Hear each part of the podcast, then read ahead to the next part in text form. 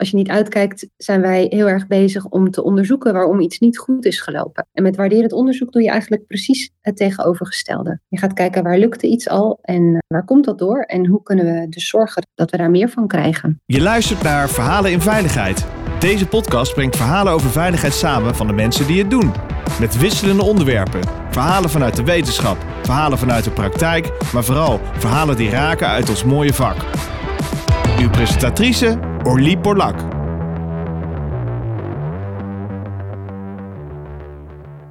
Welkom uh, luisteraars. Het is weer uh, tijd voor een uh, mooie podcast. Ik zit natuurlijk niet alleen. Ik zit in de studio met Saskia Tjepkema. Zij is werkzaam bij Kessel Smit, de Learning Company. En daarnaast is zij auteur van de boeken Waarderend Veranderen, Verhalen Veranderen. En vanaf volgende week komt haar nieuwe boek uit. Ik team, wij teamen. Ik zou hem dus ook meteen gaan bestellen als je deze podcast gaaf vindt. En vandaag praten wij over de impact die waarderend onderzoek kan hebben op de cultuur. En dan met name de lerende cultuur van organisaties. Ik vind het hartstikke leuk dat je er bent. Ja, dat is geheel wederzijds. De luisteraars die eh, kennen misschien het hele thema niet. Dus ik dacht, we gaan gewoon een beetje bij het begin beginnen. En ja, hoe kan waarderend onderzoeken bijdragen aan een uh, lerende cultuur? Misschien is het goed om dan eerst kort te zeggen wat waarderend onderzoeken is. Voor mensen die dat nog niet weten. Het is heel simpel. Het gaat er eigenlijk over dat je datgene wat er is en wat al werkt onderzoekt om te kijken hoe je daar meer van kan krijgen. En als ik het dat zo zeg, klinkt het heel erg simpel, maar dat is in de praktijk ingewikkelder dan uh, het lijkt. Omdat wij namelijk als mens heel erg de neiging hebben om met ons brein heel erg in te zoomen op fouten. Dus wat is er misgegaan? Wat heb ik niet goed gedaan? Wat ben ik vergeten? Iemand die thuis komt met een rapport vol achten en één zes, dan is die zes dat eerste wat onze aandacht trekt. Zo is ons brein nu eenmaal gebakken. En dan gaan we vervolgens ook nog eens onderzoeken waar komt dat door? Als je niet uitkijkt, zijn wij heel erg bezig om te onderzoeken waarom iets niet goed is gelopen. En met waarderend onderzoek doe je eigenlijk precies het tegenovergestelde. Je gaat kijken waar lukte iets al en waar komt dat door en hoe kunnen we dus zorgen dat we daar meer van krijgen. En ik neem aan dat jij ook bij bedrijven komt mm-hmm. als consultant. Zijn er bedrijven waar je zegt van dit doen zij? Zij hebben een andere kijk op hoe zij zeg maar als organisatie vooruitkomen. En zij mm-hmm. passen dat eigenlijk op een dagelijkse basis toe. Nou, ik denk dat veel bedrijven, eigenlijk net als ons brein is ingericht op hè, dat we triggeren op dingen die niet goed dreigen te gaan of niet goed gegaan zijn. Zo zijn veel bedrijven eigenlijk ook ingericht. Dat is misschien ook op zich wel logisch. Dus je bouwt een organisatie, die richt je op een bepaalde manier in. Je stelt doelen en je kijkt of je die haalt of niet. En waar het afwijkt van de norm, ga je kijken, hey, klopt dat wel? Liggen we op koers? Omdat je toch een beetje die organisatie inricht op basis van een soort verwachting van zo loopt het hè, gedurende de dag of de week. En afwijkingen van het gemiddelde, daar ga je naar kijken. Ik ben zelf een tijdje bijvoorbeeld schooldirecteur geweest. En dan kreeg ik ook een keurige kwaliteitskaart. En dan werd wel de vraag ook gesteld van wil je die rode cijfers, dus jullie uh, uitval is te hoog. Wil je eens kijken waardoor dat komt? Waardoor vallen er meer leerlingen uit dan de bedoeling is? En wat je dus daaraan zou kunnen doen dat is eigenlijk hoe veel organisaties ja, werken. En op zich hoeft daar ook helemaal niks mis mee te zijn. Dus ik kom niet veel organisaties tegen om je vraag te beantwoorden die dat helemaal niet doen. Ik kom wel op steeds vaker op plekken waar mensen zeggen we willen eigenlijk beide kunnen. Dus we willen en op het moment dat er even iets afwijkt van hoe we het bedacht hadden, kunnen we kijken wat is hier de oorzaak en hoe nemen we dat weg. Maar ik wil ook in situaties waarin die aanpak eigenlijk niet werkt of sterker nog het erger maakt, wil ik ook die andere insteek kunnen pakken. Namelijk het waarderende onderzoek en kijken waar werkte het wel. Want je kan natuurlijk om de uitval te verminderen, dus uitval in het onderwijs betekent kinderen die hun diploma niet halen, zou je ook kunnen gaan kijken naar, nou, er hebben zoveel procent van de kinderen heeft het niet gehaald, zoveel procent wel. Wat kunnen we leren van de kinderen die het wel gehaald hebben? En wat leren we daarvan over wat we nog beter kunnen doen op die andere momenten? Of wat leren we van de kinderen die eigenlijk het bijna niet haalden, maar toch net wel? Dan ben je dat waarderend onderzoek dus aan het toepassen. Waarderend onderzoek is eigenlijk vooral heel erg bruikbaar op het moment dat je met vraagstukken zit waar eigenlijk niet een heel duidelijke oorzaak-gevolgrelatie is. Neem een team wat niet lekker loopt. Het komt maar heel zelden voor dat je kan zeggen, oh, dat komt door dat ene puzzelstukje. Heel vaak is het een combinatie van heel veel verschillende factoren factoren. Hè? Chemie tussen een paar teamleden, de manier waarop het team gehuisvest is, de duidelijkheid of de onduidelijkheid van de klus. En je kan er niet zomaar één factor uitpakken die niet lekker loopt en die verbeteren en dan loopt het team weer. Dus in dat soort situaties brengt dat onderzoeken van wat er fout loopt en die diagnose stellen van de fout helpt je dan vaak niet zo. Dan krijg je vooral een hele berg van oh dit, dit is waarom het niet loopt. Dat kan ook nog wel een beetje ontmoedigen zelfs in dat soort situaties is het eigenlijk handiger om te kijken van nou oké, dit team loopt over het algemeen niet zo lekker. Maar wat zijn de uitzonderingen daarop? Wat was een moment dat het wel goed ging? En wat kunnen we daarvan leren over wat we vaker moeten doen? En dat is eigenlijk die omdraaiing ja, die heel erg helpt om te leren. Met name in situaties waarin het allemaal niet zo voorspelbaar is en ook een beetje complex. Denk jij dat als we ja, normgericht blijven, normgericht blijven toetsen of organiseren, dat we ons daarmee ook beperkingen opleggen. Wat denk jij?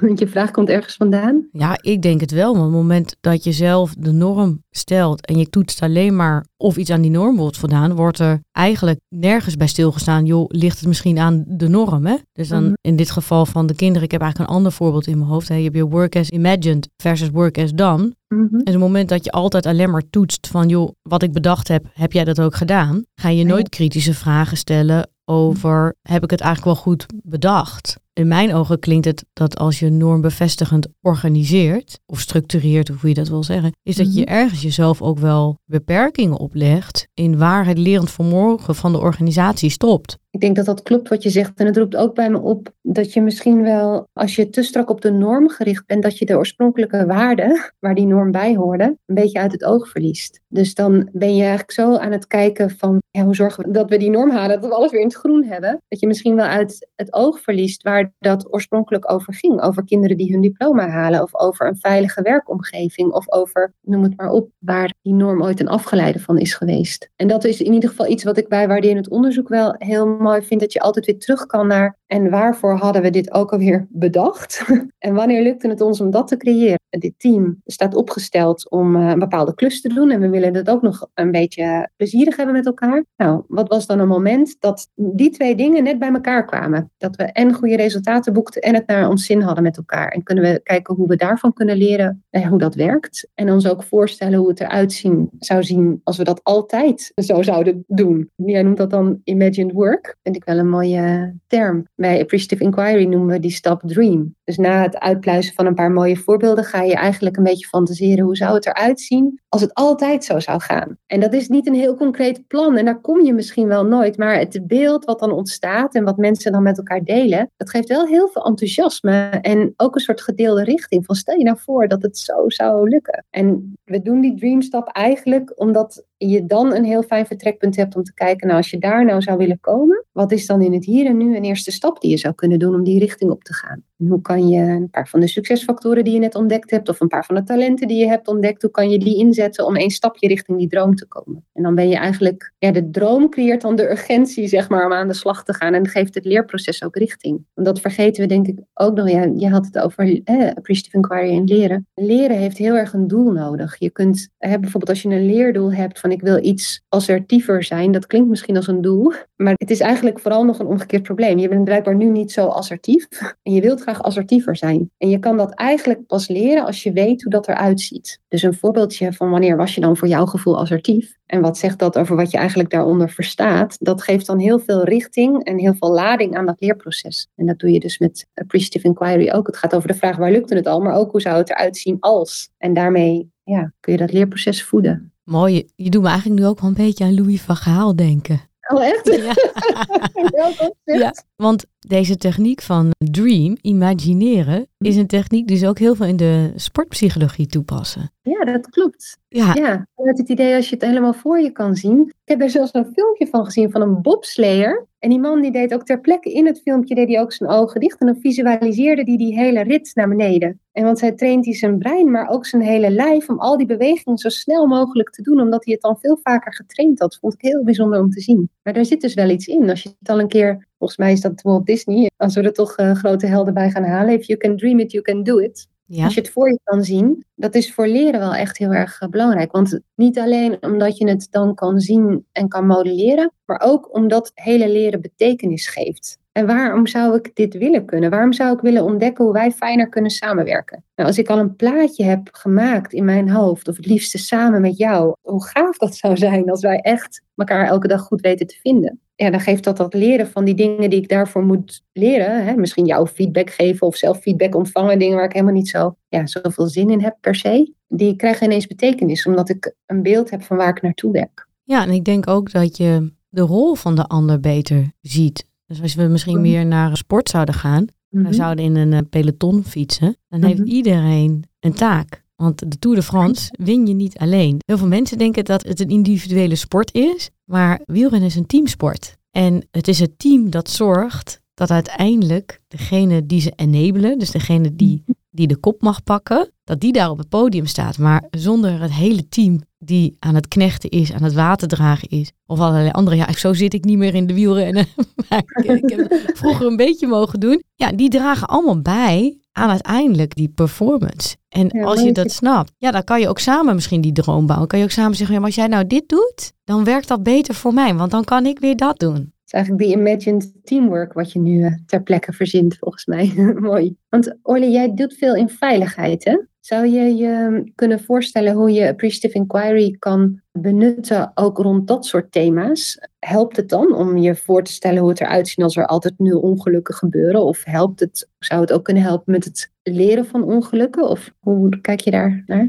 Ik gebruik het als imagineren. Wanneer ben je trots op jezelf en hoe ziet dat eruit? En wat gaat er aan vooraf aan dat gevoel van trots? Want je staat op dat podium, je hebt een beker gekregen, je vrouw is erbij, je, je kinderen zijn erbij. Ja, iedereen is in zijn mooiste kleding. Een weken wordt daarover gepraat en geshopt. En dan sta je daar en dan, dan heb je iets gedaan, hè? een hele bijzondere prestatie. Mhm. en, maar wat is dan die prestatie? Wat ik wel lastig vind, is dat ik zou graag willen dat mensen een betere definitie aan die prestatie kunnen geven. Dus niet zeggen van mhm. nul ongevallen. Nee, maar wat mhm. hebben jullie nu samen gedaan? Ja. Wat je zegt, ja, maar als we dit nu samen doen, bijvoorbeeld, we overleggen elke dag met elkaar. Of ik heb een dame in de podcast gehad, Marit de Vos, een gynaecologe. Mhm. En zij doet appreciative inquiry in het ziekenhuis bij hele ingewikkelde operaties. Waar altijd complicaties zijn en waar ook wel eens gewoon echt helemaal misgaat. Mhm. Elke operatie bespreken ze. En ze bespreken ook vooral de operaties waar dan zoveel minder complicaties waren dan verwacht. En dat ze dan aan zichzelf al heel hard opvragen: wat hebben we nu gedaan in deze operatie? Waardoor dat lukte. Ja, waardoor dat lukte.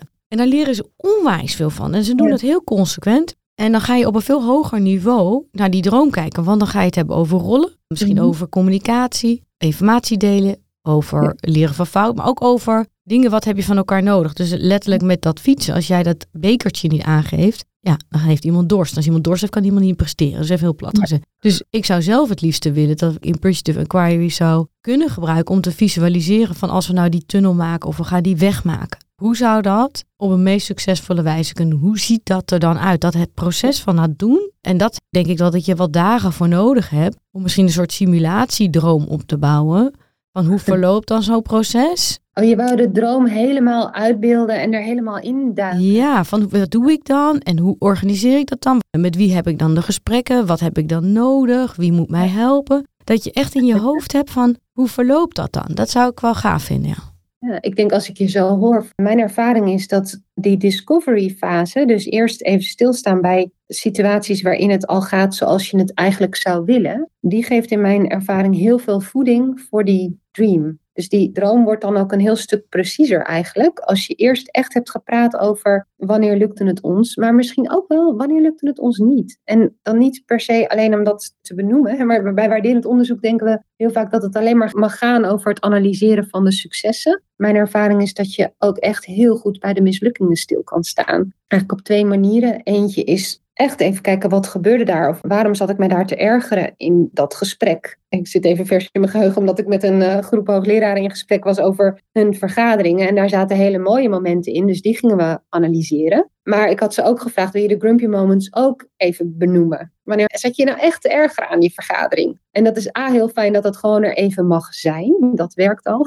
wordt het volgens mij al kleiner van. Maar we konden eigenlijk ook heel mooi analyseren. En wat maakt dan dat jij je daar zo aan ergert. Dus welke waarde of wat wat jij belangrijk vindt, komt daar even in het geding. Nou, bijvoorbeeld dat we elkaar ook gewoon echt even uit laten praten. En dat iedereen aan het woord komt in de gesprekken. Dat is iets waar je weer wat mee kan. Wat een deel van die toekomstdroom zou kunnen zijn. Hè? En de ideale vergadering loopt dat voor mijn gevoel zo. Dus ook in, door waarderend te kijken naar dat wanneer het niet goed loopt. En waarderend dan in de zin van ja, appreciative, Engels appreciative, het mag er gewoon zijn. Kan je daar ook informatie uithalen? Ik weet ook nog wel dat wij in de tijd net ja, gedurende en na COVID, toen we ook nog heel veel online aan het werk waren, toen kregen we, en zeker aan het eind, kregen we ook wel vaak vragen van teams die zeiden, jeetje, we merken dat we elkaar echt helemaal een beetje kwijt aan het raken zijn. En ik weet dat we nog online zitten, maar kunnen we daar iets mee doen? En toen gingen we met een groep aan de slag en we nodigden ze eigenlijk allemaal uit om, net als in het echt, ga je dan van die duo-interviews doen. Nou, dan nodigden we ze hier uit om in een breakout room te gaan. En wil je je collega eens bevragen over de momenten die er echt helemaal doorheen zat? Dat ze echt dacht, nou, ik trek dit niet meer met kinderen, de school thuis en mijn collega's niet zien, alles achter het scherm, mijn schoonmoeder ziek. Een moment dat je er helemaal doorheen zat. En wat of wie hielp je toen weer daardoorheen? Dat was de waarderende vraag. En dat was echt, ik denk dat we in totaal drie uur achter het scherm hebben gezeten. De rest van het programma is eigenlijk ook niet meer. Want mensen hadden dus die gesprekjes en ontdekten daar dingen in over hun eigen veerkracht. Die vele malen groter bleek dan ze tot dan toe hadden gezien. En dat riep ook allerlei ideeën op over wat kunnen we meer doen. En het riep ook de wens op om wat gewoon tegen elkaar te zeggen. Het feit dat Alicia mij toen belde, omdat ze zag in de teams dat ik er niet goed bij zet, belde ze me even op. Nou ja, dat hielp mij er echt weer doorheen. Maar ook simpele dingen als af en toe een pauze nemen of sommige dingen gewoon even een tijdje niet doen. Dat gaf hun heel veel ideeën over hoe ze nou ja, nog veerkrachtiger door konden gaan. Eigenlijk juist doordat we die momenten dat je er even helemaal doorheen zat onderzocht, maar vooral hoe kwam je daar weer uit? En daar bleek heel veel in te zitten, waar tot dan toe een blinde vlek zat. En dat gebruiken we sindsdien vaker. Ieder team heeft dips, maar je komt er ook weer uit. En hoe doe je dat? En wat zit daar voor kennis in? En wie is degene die de vraag eigenlijk zou moeten stellen? Is dat iedereen of zijn dat vooral mensen in rank? Het mooie van vraag is dat iedereen ze mag stellen. En in ons boekje van volgende week, Ik Team Wij Teamen, dat richten we helemaal op het idee van ieder teamlid. Teamen werkt als ieder teamlid zorgt voor zichzelf dus als jij merkt, ik ga hier echt afhaken, want dit agendapunt draait in rondjes. Misschien is het dan wel goed om er even wat van te zeggen. Dus goed zorgen voor jezelf, goed zorgen voor de taak. Wat heeft de taak nu nodig? Misschien heb ik nog zes leuke ideeën, maar weet je, volgens mij gaat deze oplossing al werken, dus laten we het maar gewoon even laten. En voor het proces. Dus als jij merkt, ik zit nu naast Claire en die heeft al drie kwartier niks gezegd, dan nodig ik haar gewoon even uit. Of dan ga ik iets doen om te zorgen dat we ehm, dat gesprek net even anders voeren. En dat is een principe wat we wel introduceren bij teams. En zeggen, weet je, als teamlid heb je allemaal de ruimte. Je mag interventies doen. En een interventie hoeft altijd niet altijd heel groot te zijn van ik wil een ander agendapunt, maar gewoon een vraag stellen over vorige week zat ik bij een groep, een groep officieren. Dat was een heel zakelijk gesprek, heel inhoudelijk. En we hoorden eigenlijk allemaal dat een van de officieren die vertelde iets over een ontwikkeling waar ze mee bezig zijn. En we luisterden allemaal inhoudelijk. En toen vroeg één collega aan het eind: En hoe is dit nu voor jou om dit zelf te moeten dragen, deze klus? En dat was eigenlijk de vraag, wij voelden allemaal, daar zit iets. En het was heel fijn dat iemand daar even naar vroeg, want dan kon hij gewoon even in drie zinnen zeggen dat hij dat ook wel zwaar vond. Heel veel meer was ook niet nodig, maar dan heb je wel eh, contact. En zo kan je als teamlid dus allemaal wat doen. En ook als teamlid dus ook allemaal ervoor kiezen. Ga ik een waarderend onderzoekende vraag stellen? Hè? Of gaan we nog een rondje praten over waarom dit niet werkt? Of ga ik de vraag erin stellen van, goh, nou nu weten we wel ongeveer waarom deze vergaderingen niet werken. Ik ben ook wel benieuwd, wat was een vergadering waar we allemaal tevreden op terugkijken? Heeft iemand daar een voorbeeld van? Al was het maar een agendapunt, kunnen we daar eens naar kijken. En denk je dat het zou helpen om het soms expliciet af te spreken? Dat je zegt in een team, ik zou het fijn vinden dat als die niet gepakt is, die rol, wat heeft het nou met jou gedaan? Of die vraag stellen, dat jij die dan stelt. Zijn er dingen die, die zouden kunnen werken, denk je? Ja, dat kan je afspreken. Je kan ook, wat ik zelf vaak wel fijn vind, is om als je dit gewoon even een tijdje oefent. En dat wil zeggen dat je gewoon je vergadering doet, maar af en toe een procescheck doet, waarin mensen even met hun buurman of buurvrouw kunnen kijken hoe loopt het nu en doe jij nu iets niet wat je wel zou kunnen doen, wat het proces ten goede zou komen. Dat hoef je niet eens na te bespreken, maar dat zet mensen weer even op scherp en dan gaan ze het vanzelf wel doen. En dan ontdek je ook, nou, wat kan mijn toegevoegde waarde zijn hier? Ik vraag af en toe die waarderende vraag of ik vraag af en toe die persoonlijke vraag of ik vind het niet erg om te roepen, jongens, volgens mij eh, moeten we even door. En dat kan dan mijn bijdrage zijn of ik durf wel kritisch tegen te denken wanneer dat nodig is. Dat is ook fijn om daar een leerproces van te maken, denk ik, meer dan een afspraak. Denk je aan situaties dat het wel goed zou zijn om het af te spreken? Nee, eigenlijk zat ik eigenlijk te denken dat het misschien voor sommige mensen lastig is om een waarderende vraag te stellen. Ja, ja, dat is voor ons allemaal lastig. En het is grappig, want ik denk dat dat echt iets te maken heeft met hoe ons brein werkt, maar misschien ook wel met hoe we opgevoed zijn of hoe we denken dat het in organisaties moet. Maar we hebben zoveel die vraag van waarom lukte dit niet? De probleemdiagnose die ligt zoveel makkelijker op tafel dan de succesdiagnose, om het zo maar even te zeggen. Er is wel een heel leuk boekje verschenen van uh, Thierry Torres en uh, Jackie Stavros een paar jaar geleden. Dat heet Conversations Worth Having. En daarin laat ze eigenlijk zien dat je vier soorten gesprekken hebt. Dus gesprekken kunnen stellender zijn of onderzoekender. En waarderender of minder waarderend. Daarmee krijg je een soort heel speelveld. En dat vind ik zelf wel, sinds ik dat speelveld een beetje in mijn hoofd heb, merk ik ook is makkelijker navigeren. Als ik merk, nu lopen we vast, hè, even discussiëren is niet erg. Hè. Jij bent niet eens met iets, ik zie dat anders en dat clasht even. Even kan dat, dat we dat lopen te stellen tegen elkaar. Maar dan is het ook wel fijn dat het na een tijdje overgaat in, nou, stellend naar onderzoekend. En dan kan ik gewoon een vraag gaan stellen. Omdat ik snap, oh ja, ik wil van stellend naar onderzoekend. Of ik denk, nou, het gesprek wordt nu wel heel negatief. Want we zijn eigenlijk allemaal aan het opstapelen. Allemaal redenen waarom deze fout heeft kunnen gebeuren. Ik ga nu eens een waarderend onderzoekende vraag erin gooien. En focus van het gesprek van gericht op wat er niet is naar wat is er wel? Wanneer lukt ons dit wel? Of wat dan ook. En dat is heel leuk. Ik weet niet of je bij je podcast ook van die notes hebt, maar anders kunnen we het er even inzetten. Dat doen we en dan heb ik ook heel een spiekbriefje bijgemaakt met allemaal waarderende vragen. En dan oefenen we wel eens met teams. En dan geven we dan gewoon dat spiekbriefje erbij. En dat geeft eigenlijk ook een soort vrijbrief om er gewoon maar een beetje mee te spelen en te oefenen. Dat is eigenlijk heel leuk, want je verbreedt je repertoire ermee. Ja. Er zijn ook magische vragen, geen vragen die altijd werken. Maar het is wel leuk om. Eigenlijk is dat het feit dat je aan het puzzelen bent. Hé, welke kant zijn we nu op aan het denken? En. Uh, helpt ons dat nog? of lopen we erop leeg? Of verzamelen we alleen maar dingen die we al wisten? Eh, of blokkades? Nou, dan kan je bedenken, nu wil ik het gesprek een andere wending geven. Dan ga ik eens een andere vraag stellen of het over hebben over wat wel werkt. Maakt het ook weer een beetje behapbaar. Nou, super mooi. En uh, je hebt in ieder geval antwoord gegeven op wat waarderend onderzoek is. En mij heb je overtuigd wat belangrijk is. En ik vind het super leuk dat je voor de luisteraars allemaal tips hebt. Die zullen wij in de nood zetten van, uh, van deze podcast. Maar ik heb het gevoel dat je ons nog veel meer te vertellen hebt. Dus ik wilde eigenlijk vragen, wanneer het boek uit is, vind je het dan leuk om terug te komen om over je boek te praten? Nou, natuurlijk. En over teamen te praten. Ja, zeker. Dan gaan we daar uh, de hele podcast aan wijden. Leuk, want uh, daar heb jij volgens mij ook wat verhalen over, Orly. Dus dat hebben we zo gevuld, denk ik. Ja, precies. Dan wil ik je in ieder geval hartelijk danken voor deze bijdrage. Graag gedaan. Je luisterde naar Verhalen in Veiligheid. Wil je niks missen van deze podcast? Abonneer je dan op deze podcast in je favoriete podcastplatform. Of laat een recensie achter via Apple Podcast. Dank voor het luisteren. Graag tot de volgende.